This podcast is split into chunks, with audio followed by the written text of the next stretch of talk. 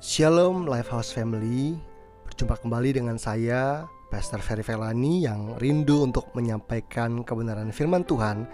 Karena saya percaya bahwa kebenaran firman Tuhan sanggup mengubahkan kehidupan kita.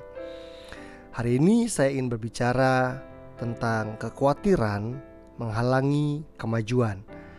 Matius 6 ayat 27 berkata demikian Siapakah di antara kamu yang karena kekhawatirannya dapat menambahkan sehasta saja pada jalan hidupnya? Saya percaya bahwa setiap orang itu punya kekhawatirannya masing-masing.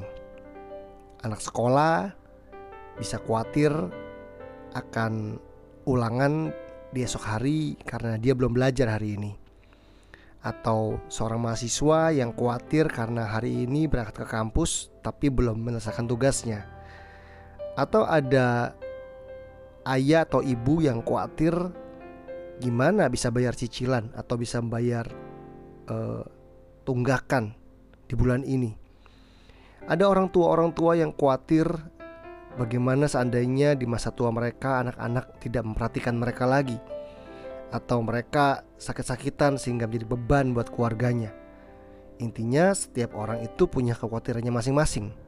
Kekhawatiran orang berbeda-beda satu dengan lain dengan yang lainnya. Tetapi jika dibiarkan kekhawatiran ini bisa membunuh iman kita, mencuri sukacita kita, mencuri damai sejahtera kita sehingga membawa sesuatu yang buruk dalam kehidupan kita. Sebetulnya kekhawatiran adalah sebuah sinyal, sebuah alarm dalam hidup kita, dalam diri kita. Sinyal akan adanya bahaya yang mengancam sehingga kita mengantisipasinya. Seharusnya kekhawatiran memberi, membuat kita menjadi lebih waspada dan lebih mempersiapkan diri untuk menghadapi sesuatu yang tidak pasti atau sesuatu yang membahayakan.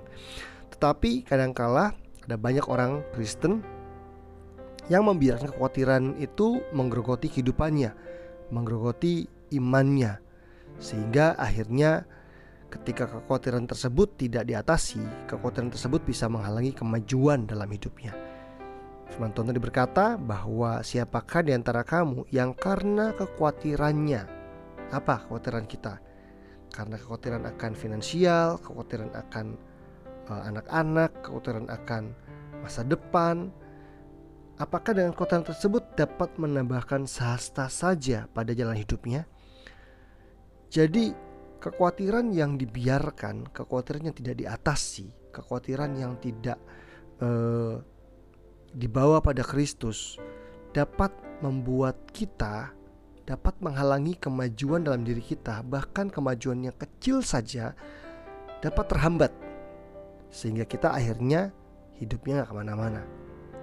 Bapak Ibu yang kasih Tuhan Hari ini saya percaya Tuhan memanggil kita Untuk kita mengatasi kekhawatiran kita.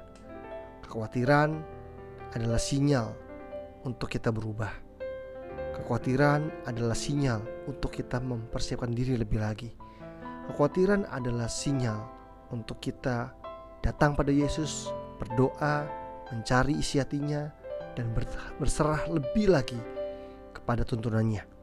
Kekhawatiran harusnya menjadi sinyal bagi kita untuk kita berjalan dalam ketaatan karena kita percaya ketika kita taat kita sedang berjalan di dalam perlindungan Tuhan yang sempurna. Bapak Ibu yang kasih Tuhan, jangan biarkan apa pun yang menjadi kekhawatiranmu hari ini menghalangi kemajuanmu, menghalangi keputusanmu untuk berani membuat pilihan, keputusan dan tindakan yang membuat Anda maju lebih baik lagi, lebih serupa Kristus, lebih mengenapi rencana Allah, lebih selaras dengan jalan-jalan yang Tuhan mau dalam kehidupanmu. Atasi kekhawatiranmu supaya hatimu bisa memutuskan dengan benar apa yang Tuhan mau dalam kehidupanmu. Amin.